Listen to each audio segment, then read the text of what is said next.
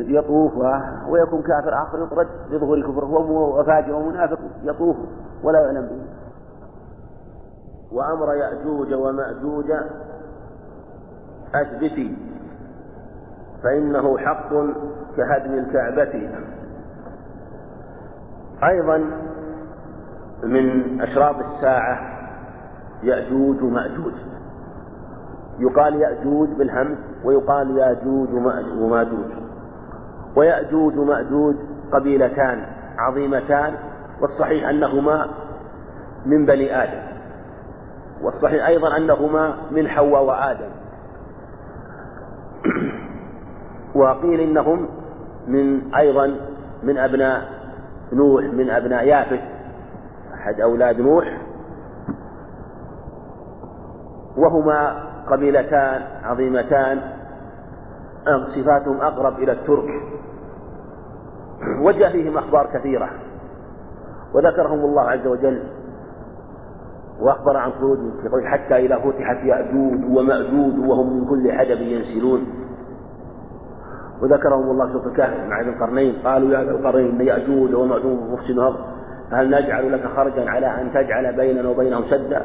قال ما مكنني في ربي خير. فأعينوني بقوة. أجعل بينكم وبينهم ردما آتوني زبر الحديد حتى إذا ساوى بين الصدفين قال ابقوا حتى إذا جعله إذا جعله نارا قال آتوني أفرغ عليه قطرا ما استطاعوا أن يظهروه وما استطاعوا له نقبا قال هذا رحمة ربي.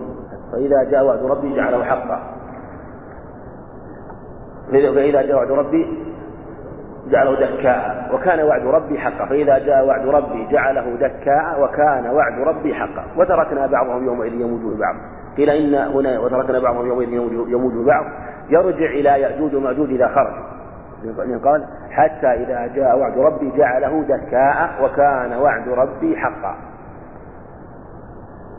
ثم أخبر أنهم بعد ذلك يموج بعضهم في بعض. وقيل إن هذا أنهم يموجون في يوم في يوم القيامة وأنه إذا كان يوم القيامة وقامت القيامة ما جاء بعضهم في بعض واختلط بعضهم في بعض. وقيل أنه في خروج يأجوج ومأجوج لاختلاطهم لأنهم قيل أن يأجوج ومأجوج من من الأجيج وهو الاضطراب وقيل من الأجة وهو السرعة وقيل من الأجاج وهو الشيء المالح. ولا شك أن هذه الصفات تجمع أن هذه الأشياء تجمعهم. هذا إن قيل إنه مشتق إنه مشتق. إن يأجوج ومأجوج مشتق وإن قيل إنه اسم أعجمي فالأعجمية لا اشتقاق فيها. فيأجوج ومأجوج أمة عظيمة ويخرجون من كل حدب ينسلون يمشون من كل حدب مرتفع كما أخبر الله عنهم وهم يكونون في آخر الدنيا. حتى إذا فتحت يأجوج ومأجوج يعني إذا فتح السد ولهذا قال فإذا جاء وعد ربي جعله دكا يعني جعل السد مندك في الأرض منبسط. فخرج يأجوج ومأجوج على الناس. وهذا في آخر الدنيا وهم وقتهم في وقت عيسى عليه الصلاة والسلام حينما يقاتلون الروم ويفتحون القسطنطينية وبعد ذلك يعودون بعدما بعد أن نصروا واستشهد من استشهد منهم وحصل أمور عظيمة. وأهوال كثيرة في ذلك الوقت ثم بعد ذلك يخرج عباد. قال كما حديث النواس بن سمعان أنه قال إنهم عباد عباد لي لا يدان لأحد لا قدرة لأحد عليه. فيلجأ عيسى عليه الصلاة والسلام هو المسلمون في ذلك الوقت إلى الله بأن يكف شرهم. فإنهم لا يمرون بشيء إلا أكلوه ولا شيء يشرب إلا شربوه يأكلون كل شيء. ويشربون كل شيء. حتى إن أنه أنهم يمرون ببحيرة طبرية فيمر أوائلهم ويشربونها فلا يدعون فيها قطرة. فيأتي آخرهم فيقول لقد عهدنا بهذه مرة ما. وهي الذي شربها قومهم الذين كانوا أمامهم. فعند ذلك يلقي الله عليهم النغف. وهو داء يأخذ الإبل بأنوفها ثم يموتون فرسا يكونون كنفس واحدة. ثم يرسل الله عز وجل مطر. ثم يبعثه عليهم في فيأخذ جيفهم ويرميها في البحر فتكون الأرض كالزلقة. يعني كالزجاجة البيضاء كالزجاجة التي مسحت. صافية لا شيء فيها. لأنهم يت... لأن عيسى عليه الصلاة والسلام وأصحابه يتأذون بهم أذى عظيم عظيم أذى عظيما بعد موتهم لنتنهم والرائحة التي تزكم الأنوف وتؤذي وهي أشد من وجودهم في حال حياتهم فلهذا يبعث الله عليهم هذا المطر ثم آه، يموت آه، بعد موتهم فيكف الله شرهم في حياتهم وبعد موتهم. ثم بعد ذلك يتوفى الله عيسى عليه الصلاة والسلام ويدفن. فالمقصود وتتوالى بعد ذلك علامات الساعة. ولذلك قال وأمر يأجوج ومأجوج أثبتي لأنه حق دلت عليه النصوص من الكتاب والسنة وتواترت بذلك الأخبار عنه عليه الصلاة والسلام.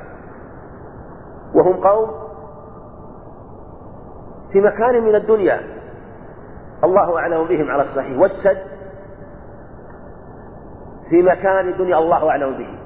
وإن كان يظهر من القرآن أنه في جهة المشرق لأنه قال حتى إذا بلغ مطلع الشمس وجد تطلع على قوم لا يكادون يفقهون قولا. يعني من جهة مطلع الشمس جهة المشرق وهم إلى جهة المشرق. لكن اختلف في تعيينهم. والسد هذا بناه ذو القرنين. وكان من رحمة الله عز وجل. حتى إذا أذن الله بخروجهم خرجوا والسد هذا سد عظيم. بناه بالحجارة والحديد والنحاس. القطر هذا يجعل الحطب وسط النحاس على حديد ثم يجعل عليه النحاس ثم إذا ذاب تأكل النار الحطب ويحل النحاس المذاب محل الحطب فيلتحم الحديد بعضه مع بعض. يكون سدا محكما منيعا. والله أعلم بهذا السد في مكانه بمكانه. وأعلم بطوله. وعرضه. وهؤلاء القوم أين هم؟ وعددهم لكنهم أمة عظيمة. من سلالة آدم عليه الصلاة والسلام من الأمم الكافرة يخرجون في آخر الدنيا. وقد غلط من قال إنهم هم أمم الكفر الآن اللي خرجوا وظهروا على الناس اليوم في أوروبا وأمريكا وهذا كله غلط. وإن كان لا يكفر من قال هذا لأنه لم ينكر وجود يأجوج ولكنه تأوله على قوم ليسوا هم لأن الله لأن الأحاديث جاءت وفسرت صفاتهم وأنهم يكونون في وقت قريب من قيام الساعة. هذا هو اللي دلت عليه النصوص أنهم يكونون في وقت قريب من قيام الساعة وأن عيسى عليه الصلاة والسلام يقاتلهم. وإلا لو كانوا هم الأمم هذه لكانت الساعة قد قامت ونزل عيسى عليه الصلاة والسلام وحصلت تلك الأمور والأهوال والمعارك التي جاءت فيها الأخبار. فلما لم شيء من ذلك دل على أنهم قوم يكونون في آخر الزمان كما أخبر الله عز وجل وأنهم على هذه الصفة المذكورة لكن لم يأتي في تحديد صفاتهم شيء يصح. لكن جاء في بعض الأخبار التي قواها بعض العلم أنه أن أعدادهم عظيمة وأن الرجل المحرم لا يموت حتى يترك ألفا من صلبه ألف رجل ذكر. أو ألف ذكر من كل قد حمل السلاح. هذا جاء في حديث رواه ابن حبان والنسائي و وقواه بعض أهل العلم. فهذا فما جاء من أخبار وثبت قيل به وما لا فلا. وأخبر عليه الصلاة والسلام في حديث حديث الصحيحين أنه قال خرج فزعا يوم من الأيام فقال فتح اليوم من ردم يأجوج ومأجوج. مثل هذا. وحلق الإبهام والسبابة. يعني هكذا. وجاء في بعض الروايات قدر الدرهم.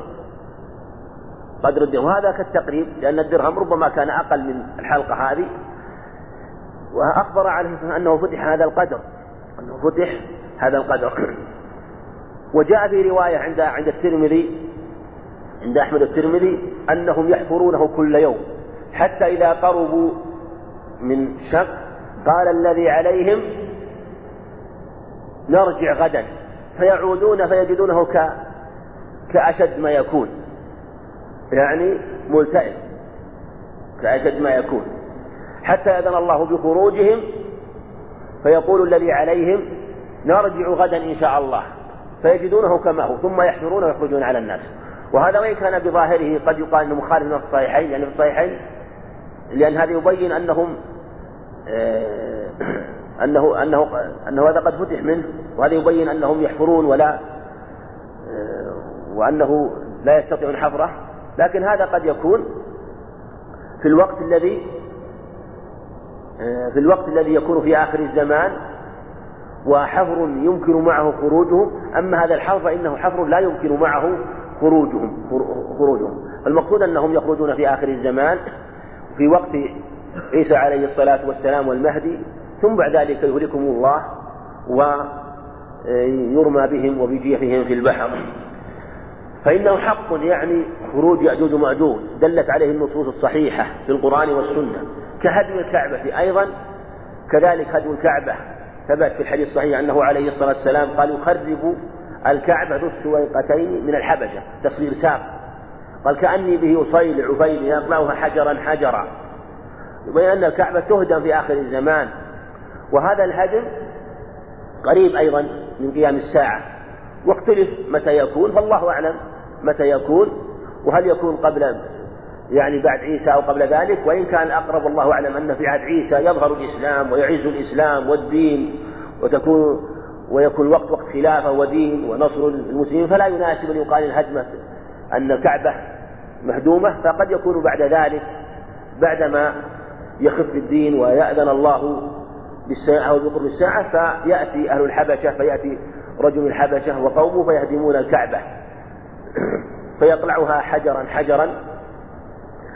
آه، لكن حتى بعد هدمها يبقى الإسلام ولهذا جاء في حديث صحيح, صحيح البخاري عن أبي سعيد الخدري ليحجن البيت آه، بعد يأجوج ومأجوج. أخبر أنه يحج أنه يحج البيت أنه يحج بعد ذلك. يعني يعني لو قيل أنها أنها قريب من يأجوج ومأجوج فقد يكون الحج إلى موضع الكعبة. لو قيل إنها آه، يعني قد هدمت في ذلك الوقت. آه، لكن هي لا تكون إلا في الوقت الذي هو قريب من قيام الساعة عند وجود علامات الساعة التي هي متصلة في الحقيقة بالقيامة. لأن علامة الساعة علامات قريبة من قيام الساعة الكبرى وعلامات متصلة بالساعة الكبرى. فهناك علامات تدل على اقترابها وهناك علامات تدل على حصولها. فالعلامات يعني الكبرى على نوعين علامات تدل على قربها وعلامات تدل على حصولها وهي لم على حصولها بمعنى أنها وقعت أو قربت جدا. فالعلامات التي تدل على قربها مثل خروج نزول عيسى عليه الصلاة والسلام ويأجوج ومأجوج والدجال وكذلك المهدي.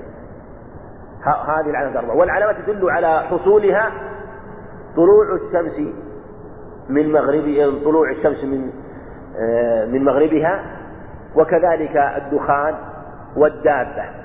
هذه تدل على حصولها فبعدها ليس بعدها إلا الساعة. ولهذا قال و وأن منها آية الدخان. منها آية الدخان. فالدخان من علامات الساعة الكبرى. كما قال فارتقب يوم تأتي السماء بدخان مبين يغشى الناس هذا عذاب أليم. ربنا اكشف عنا العذاب إنا مؤمنون. واختلف الدخان في هذا وإن كان الأظهر أنه الدخان الذي يكون في آخر الدنيا علامات الساعة الكبرى. أنه من علامات الساعة الكبرى.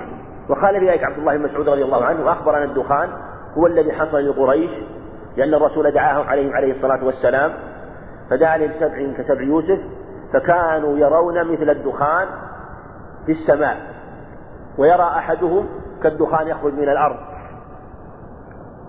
وقال آخرون إن عبد الله بن مسعود رضي الله عنه تأول ما في القرآن على الدخان الذي وقع. والدخان الذي يكون في آخر الدنيا من علامة الساعة هو الدخان الذي جاء في الأحاديث عنه عليه الصلاة والسلام. فعلى هذا يكون الدخان الدخان الأول هو الذي وقع وهو ما جاء في القرآن. والدخان هو الثاني هو الذي يكون هو الذي جاء في الأخبار. ويكون عبد الله مسعود ما بلغت الأخبار عن الدخان الذي جاء في الأخبار عنه عليه الصلاة والسلام. والأظهر والأقرب هو ما ذهب إليه الجمهور وأن الدخان الذي جاء ذكره في القرآن هو الدخان الذي جاء ذكره في الأخبار. لأنه قال لأن الله سبحانه وتعالى قال عنهم ربنا اكشف عنا العذاب مؤمنون أفيكشف؟ ولهذا قال يعني ولهذا أفيكشف عنهم العذاب؟ ما فيه كشف للعذاب في ذلك الوقت. خلاص وقع العذاب وحق. ما فيه كشف للعذاب في ذلك لأن الساعة قامت وحقت الحاقة ووقعت الواقعة. فلهذا الدخان هو الواقع في آخر الدنيا. وقد صحت في ذلك الأخبار من حديث النواس بن سمعان وغيره أنه عليه الصلاة والسلام وفي حديث أبي أسيد حذيفة بن أسيد الغفاري قال إنها لن تقوم حتى تروا عشر آيات. قال خرج علينا رسول الله صلى الله عليه وسلم ونحن نتذاكر. قال قال ماذا تذاكر؟ قال نتذاكر أمر الساعة. قال إنها لن تقوم حتى تروا عشر آيات. فذكر الدخان والدجال والدابة ونزول عيسى بن مريم ويأجوج ومأجوج وثلاث كتب خسف المشرق وخسف المغرب وخسف بجزيرة العرب وطلوع وطلوع الشمس من مغربها وآخر ذلك نار تحشر الناس من المشرق إلى المغرب. هذه عشر آيات وذكر منها الدخان وجاء في أخبار أيضا عدة عنه عليه الصلاة والسلام ذكر الدخان وأنه آه، يملأ الكون كله يملأ الدنيا ويكون وتكون الدنيا كالبيت الذي امتلأ دخان. يعني مثل البيت الذي امتلأ دخان. ولا يكاد الواحد يبصر ماذا في البيت من شدة الدخان. هكذا تكون الدنيا. لكن المؤمن يكون عليه سهل ويسير. كما أن يوم الساعة يكون عليه سهل ويسير. وجاء في بعض الأخبار أنه يأخذ المؤمن منه كهيئة الزكمة. يعني كالزكام. أما الكافر فيخرج من أنفه ومن دبره ويعني يقع منه الدخان موقع عظيم ويؤذيه لأن علامة على شقائه وتعاسته في وقت لا تنفع فيه التوبة. هذا هو الدخان الذي يكون من آخر الدنيا وهي أيضا من علامات الساعة التي تدل على حصول الساعة.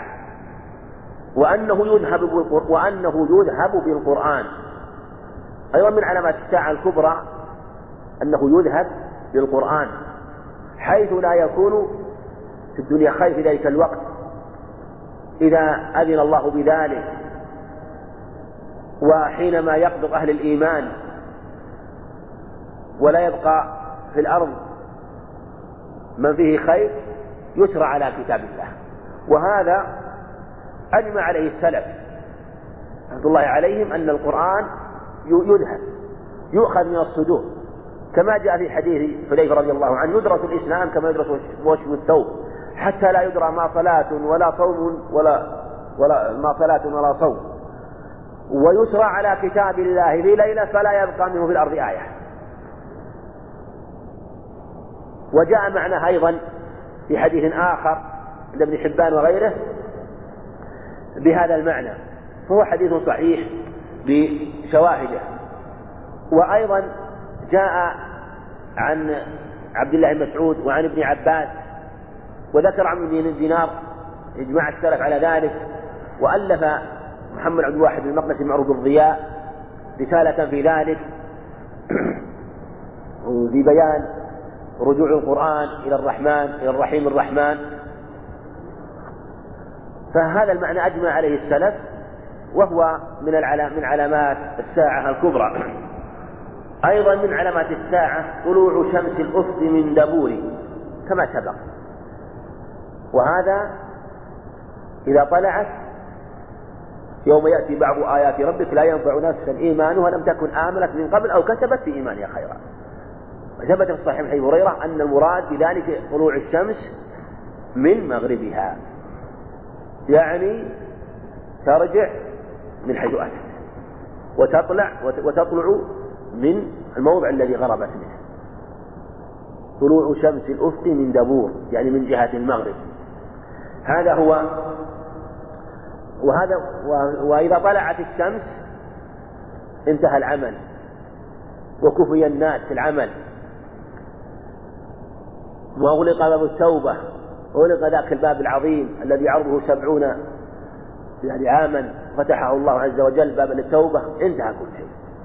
وفي وفي حديث عند أحمد رواه معاذ بن سفيان ومعاذ بن جبل ومالك بن خامر وعبد الرحمن بن عوف أنه عليه الصلاة والسلام أخبر أنه إذا طلعت الشمس طبع على كل قلب بما فيه وكفي الناس العمل خلاص انتهى.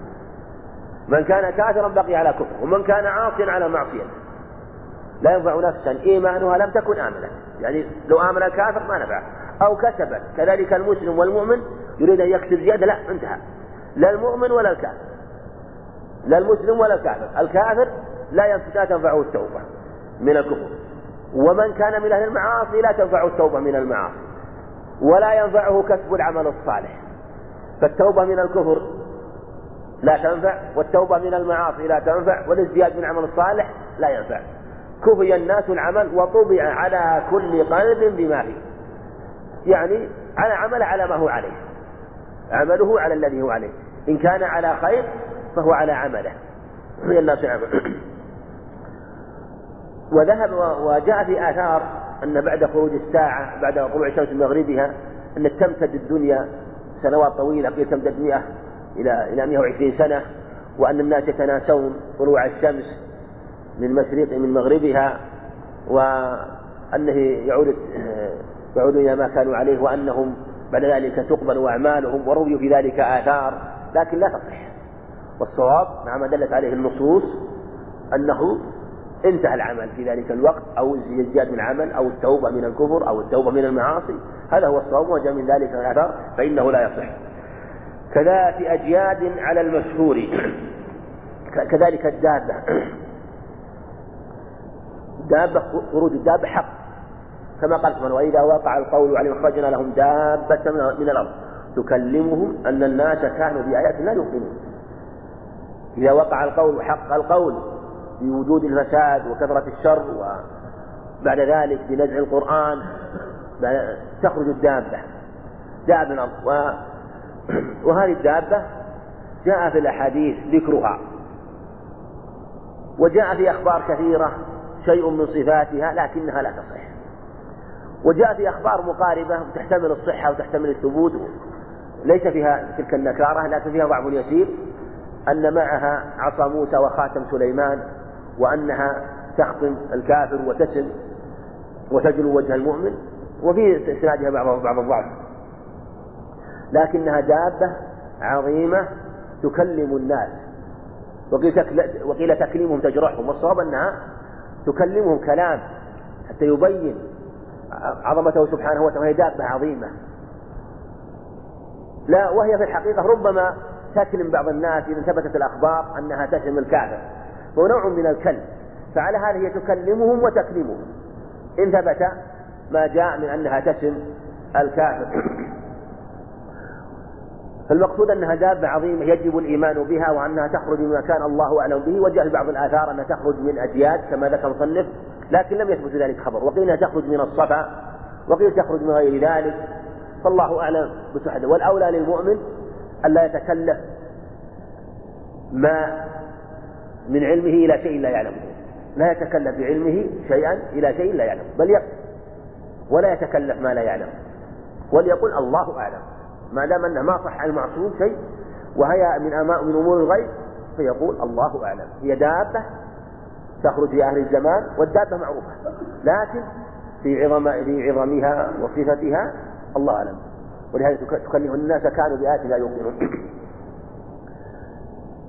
والدابة كما جاء في الخبر حديث عبد الله بن عمرو أنها تخرج تطلع الشمس إذا طلعت الشمس من مغربها و وتخرج الدابة عن الناس روحا فأيتهما خرجت فالأخرى على إثرها سريعا. يعني أيتهما خرجت طلوع الشمس من من مغربها فالدابة على إثرها سريعا. أو الدابة خرجت فطلوع الشمس على إثرها سريعا من مغربها. أيتهما خرجت فالأخرى فالأخرى على إثرها سريعا. فالله أعلم. ولهذا قال بعض العلم يناسب أن يكون طلوع الشمس من مغربها أولا لأنه بعد لأنه يكفى الناس العمل وطبع على كل قلب ما فيه فناسب أن تخرج الدابة فتسم الناس وتخدمهم وتبين المسلم من الكافر فالله أعلم بذلك. وآخر الآيات حشر النار كما أتى في محكم الأخبار. ولهذا قال وآخر ذلك نار تحشرهم من المشرق إلى المغرب. تسوقهم تسوقهم إلى إلى الشام إلى المحشر. هذه آخر الآيات. وجاء في حديث أنس أنها أول الآيات. وقيل إنهما ناران. والصواب أنها نار واحدة وأنها آخر الآيات التي ليس بعدها شيء من الآيات المتعلقة بالآيات الأرضية الكونية الأرضية. الآيات الأرضية متعلقة مثلا بعيسى عليه الصلاة والسلام ويأجوج ومأجوج والدجال. فيعقب هذه يعني هي آخر الآيات التي تكون بعد الآيات المؤذنة بقرب قيام الساعة لا بحصولها والدخان أول الآيات المؤذنة بحصول الساعة ووقوعها. يجمع بين الأخبار بهذا. أو يقال إنها آخر الآيات المتعلقة بالآيات الأرضية. وأول آيات المتعلقة بالآيات الكونية السماوية طلوع الشمس من مغربها وكذلك ما ألحق بها من الآيات المتصلة بها التي تدل على حصول الساعة. ومنها الدخان أيضا يعني كالدخان لأنه آية سماوية وهذه وتلك الآيات آيات آه، يعني أرضية فهي آية آه، لها أولية بالنسبة بالنسبة لهذه الآيات ولها آخرية بالنسبة لهذه الآيات. وآخر الآيات حشر وآخر الآيات حشر النار.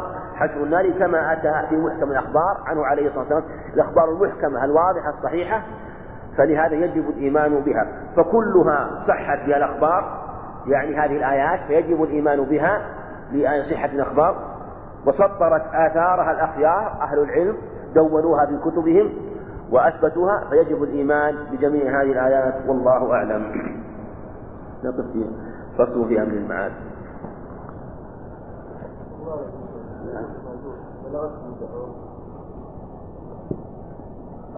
الله أعلم. جاء في خبر أنه مر بهم عليه الصلاة والسلام ليلة أسري به وأنه دعاهم وأنهم لم يستجيبوا. وعلى كل حال هم كغيرهم من الكفرة كغيرهم من الكفرة ولهذا ثبت في الحديث الصحيحين أنه عليه الصلاة قال لما أخبر أنه إذا قال بعد بعث النار من كل ألف تسعمائة وتسعة وتسعون. يعني فعند ذلك يحصل شدة على الناس. فأخبر عليه الصلاة والسلام أن منكم واحد وأن 1999 من 999 من يأجوج ومأجوج. وأنهم وهذا يبين أنهم من ذرية آدم عليه الصلاة والسلام وهذا يبين أنهم أيضا يعني ممن بلغتهم الأخبار ولهذا جاء ذكرهم في في القرآن مع ذي القرنين في مع ذي القرنين وأنهم وأن هؤلاء القوم تأدوا بيأجوج ومأجوج وأنه آه، وضع بينهم السد. هذا يبين اختلاطهم بالناس في ذلك الوقت ومعرفتهم ببعض الشيء. نعم. نعم. الله أعلم. هذا قيل إنها ورد في خبر أنها تخرج بين الركن المقام أو الصفا وأنها كلها رغاء ولأن فصيل الناقة صالح يقال أنه لما قتل ذبحت أمه أنه ذهب يرغي واختفى حتى دخل في صدع صفات وقيل إنه الذي يخرج لكن هذا خبر ما له أصل خبر ما يصح ولا له أصل.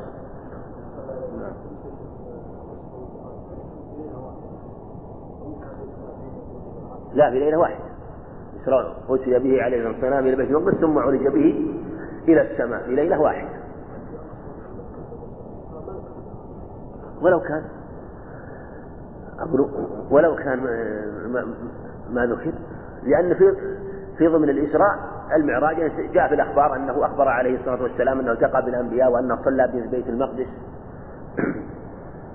ولهذا سبحان الذي أسرى بعبده من المسجد الحرام إلى المسجد الأقصى. يعني أسري به عليه عليه الصلاة والسلام.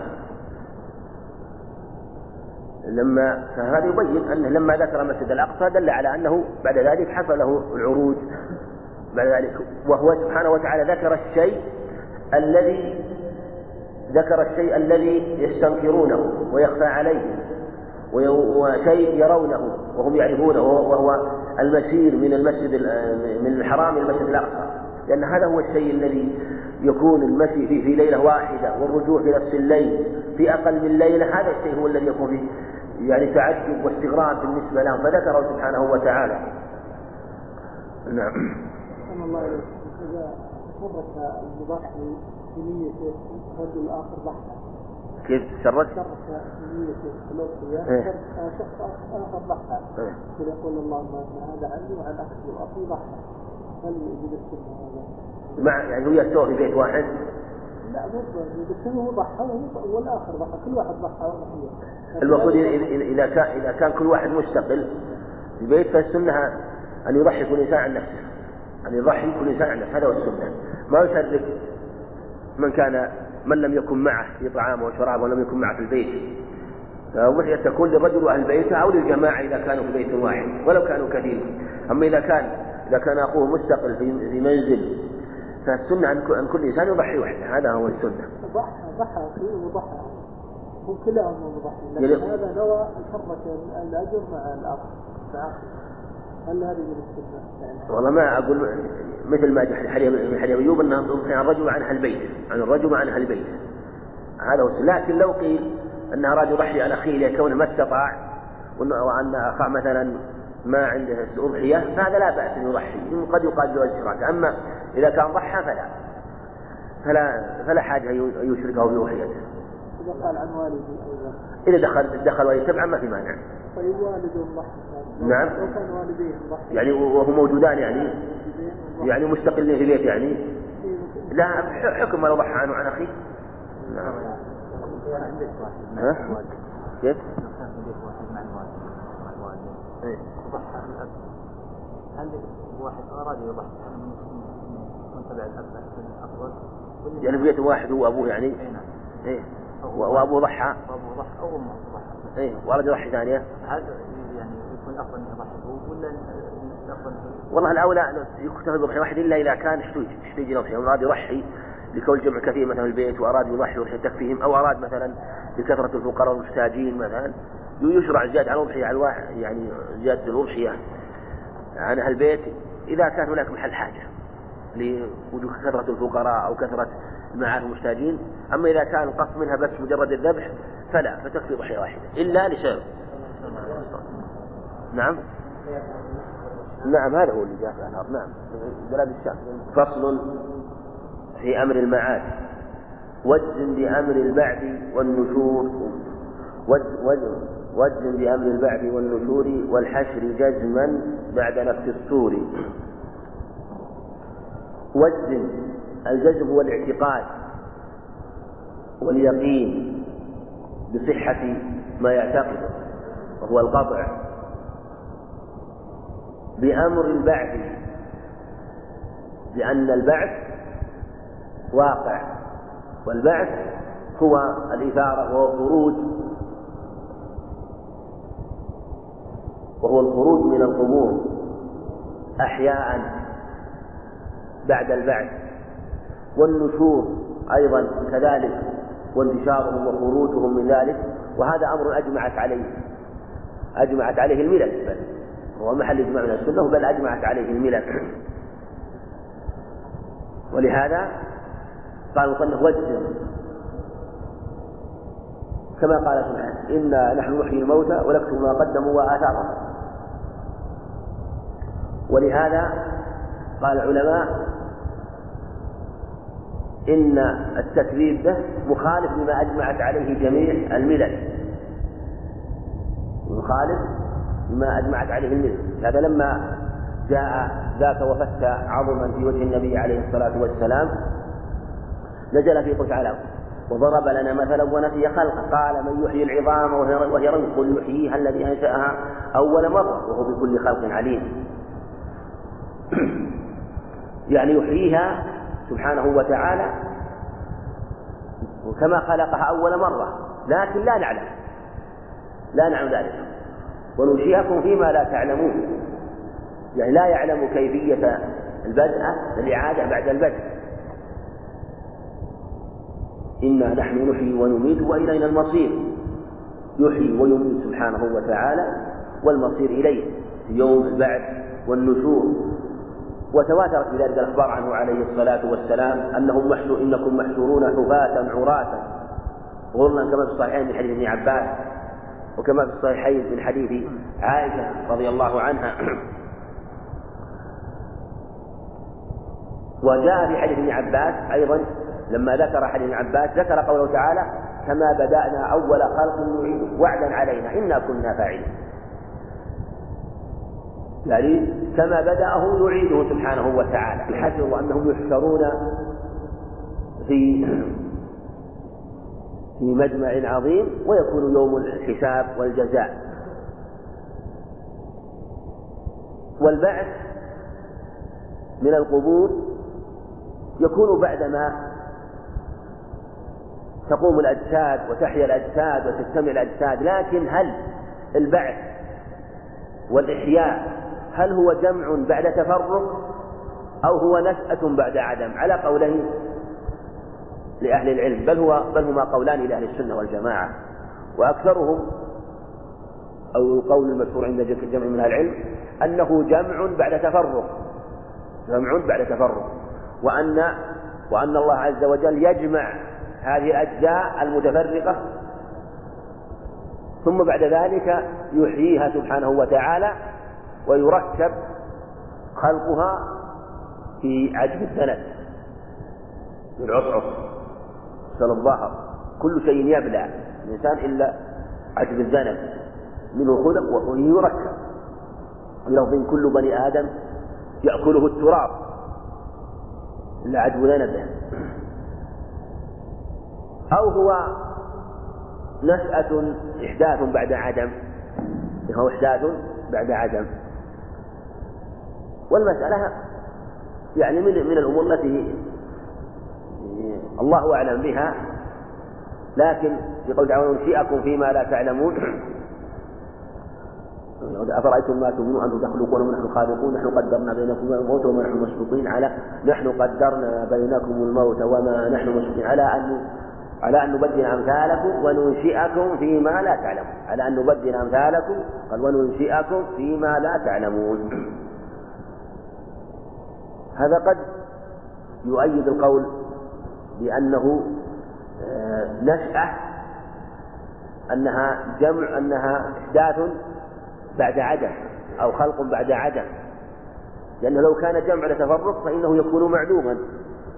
لأن هذه الأجزاء المتفرقة تجتمع. لكن إذا كان بعد عدم فالله أعلم من أين يخلقه من أين يخلقه من أين يبدعه ويوجده. وإن كان كل إنسان يخرج من تربته. منها خلقناكم وفيها نعيدكم ومنها نخرجكم تارة أخرى. منها نخرجكم تارة أخرى يعني من من الأرض. وكل إنسان يقبر في مكانه يخرج من مكانه الذي قبر فيه. بل ولو قبر في المكان مئة شخص خرجوا من هذا الموضع أو ألف شخص. وجاء في الحديث أن الحديث الصحيح أن الأرض أن السماء تمطر مطر مثل الطل أو الظل. في لفظ يروى الله أعلم بصحة كمني الرجال. فيكون كاللقاح اللقاح للأرض ثم بعد ذلك ينبتون. وتنبت أجساد منه تنبت أجساد الورى كما يقول علامة القيم رحمه الله. وقد يؤيده أيضا أن أن أنه يبلى كل شيء. الحديث الحديث الصحيح قال كل شيء يبلى بلفظ يأكله التراب. وإذا بلي. بلي وكله وأكله التراب خلاص ذهب. لأنه في الحقيقة هل يقال إنه يبلى بمعنى أنها تتفرق أجزاءه أو بمعنى يعد أنه يعدم ويذهب؟ أو أنه تتفرق أجزاءه وتكون صورته كصورة التراب؟ والإنسان إذا بلي وذهب انعدم وذكروا مثلا لو أنه غرق. ثم أكلته الحيتان ثم بقيت العظام فرماه البحر فصار فتاة فجاءت الإبل فأكلته ثم بعرته ثم جاء قوم فأخذوا هذا البعر فشب فأوقدوا عليه النار. ثم بعد ذلك هذه النار التي أوقدت ذهبت رمادا تسوها الرياح. لا شك أن هذا عدم عدم. لن يبقى شيء.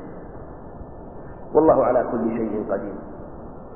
فالله أعلم. فالمقصود أنه ينشئ سبحانه وتعالى فيما لا نعلم ولا ندري. على ما يشاء سبحانه وتعالى. يحيي ويميت والمصير إليه سبحانه وتعالى. ولا يسأل عما يفعل وهم يسألون والحش جزما. جزما هذا مفعول مطلق. يسمي بعضهم مصدر يعني أجزم جزما أو أو أجزم أنا جزما. رحمك الله. بعد نفخ الصور يعني أن هذا يكون بعد نفخ الصور. حينما ينفخ في الصور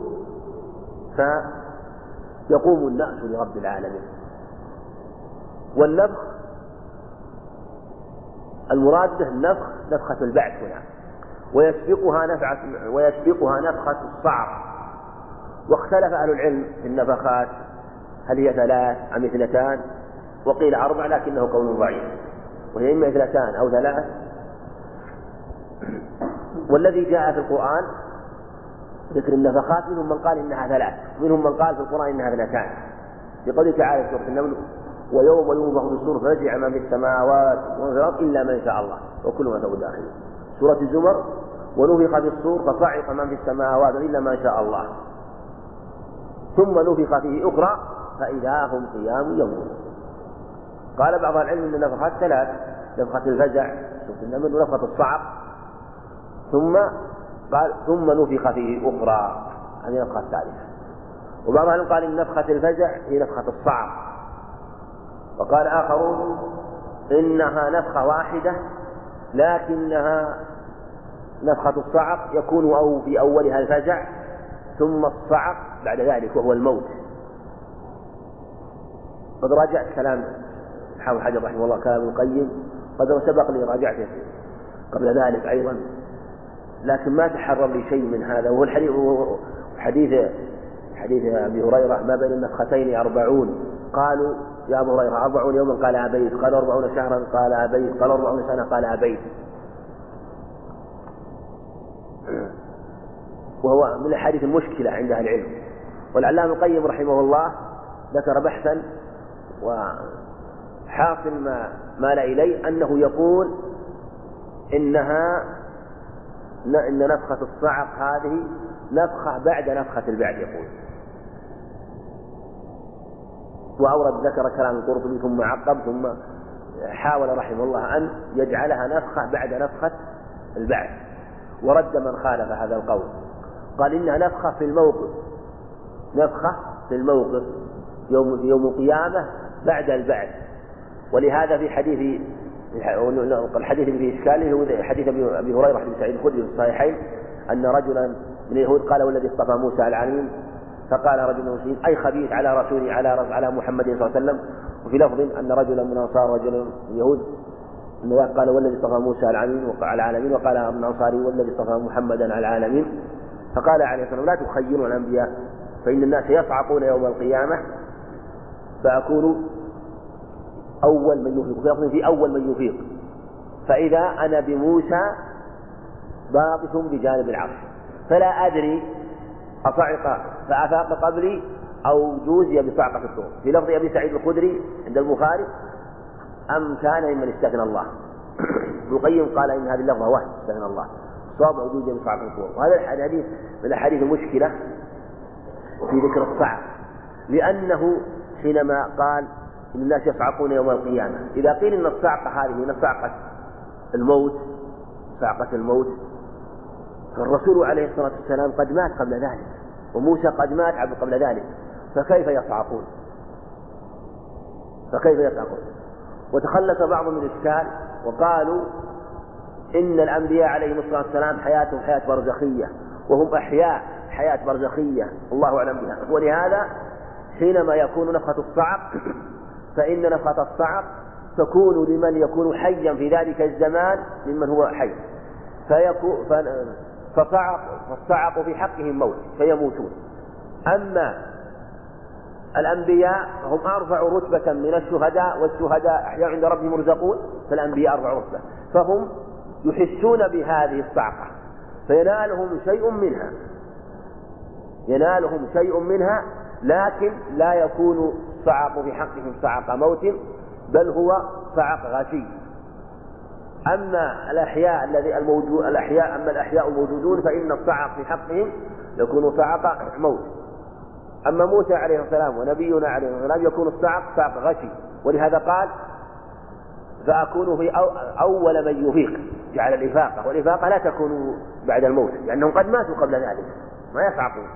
صعق صعق الموت وموسى عليه الصلاة والسلام يكون أفاق قبل ذلك. فهو إما أنه لم لم يصعق بالصاعقة أو صعق بها. فإن كان لم يصعق فهو فضل من الله عز وجل وإكرام لأنه جوز بصعق الصور أو يكون الصعق في من صعق لكنه أفاق قبل قبله عليه الصلاة والسلام فيكون شرفا له وفضلا. لكن الفضل والشرف الجزئي كما يقول العلماء لا يستلزم الفضل والشرف الكلي. فضله في هذا الجانب لا يستلزم فضله من كل جانب وهذا كما يقولون الجزئي لا يستلزم الكلي. قد يكون له فضله في هذا الشيء الشيء الجزئي لكن لا يستلزم الفضل الكلي. كما أن من يكون في آخر الزمان ممن له فضل. ولهذا قال عليه الصلاة والسلام له أجر خمسين منكم. لا يستلزم فضلهم على غيرهم من الصحابة لأنه فضل جزئي. لا يستلزم الفضل الكلي الذي سبق به الصحابة من نصرة الرسول عليه الصلاة والسلام وشهادته ورؤيته فهكذا أيضا في حق موسى عليه الصلاة والسلام. فلهذا ذهب بعض العلم إلى أنها نفخة صعق تكون في الموقف. وبعضهم قال نفخة فزع. والذي سمعته تقرر لي من سماحة الشيخ عبد بن باز رحمه الله وغفر له وسمعت تقريره أكثر من مرة على هذا الحديث يقول إنه يكون فزع.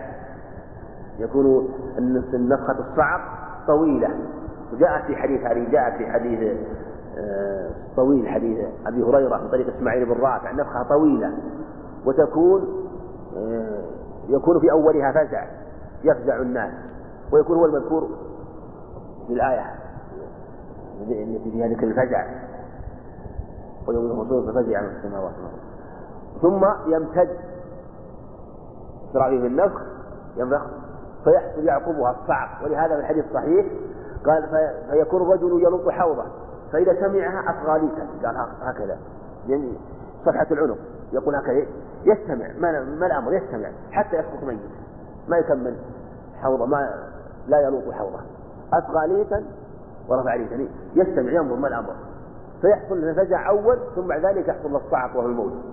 ثم بعد ذلك يموتون يموت من كان حيا. فيموتون على ظهر الأرض. والله أعلم هل يقبرون هل يقبرون أو لا يقبرون. فالمقصود أنهم يموتون. ثم يعطون بعد ذلك نفخة البعث. ولهذا ثم نفخ فيه أخرى فإذا هم قيام ينظرون. ثم يبعثون. فمن كان فمن كان قد مات قبل ذلك قبل الصعق بعث من قبله.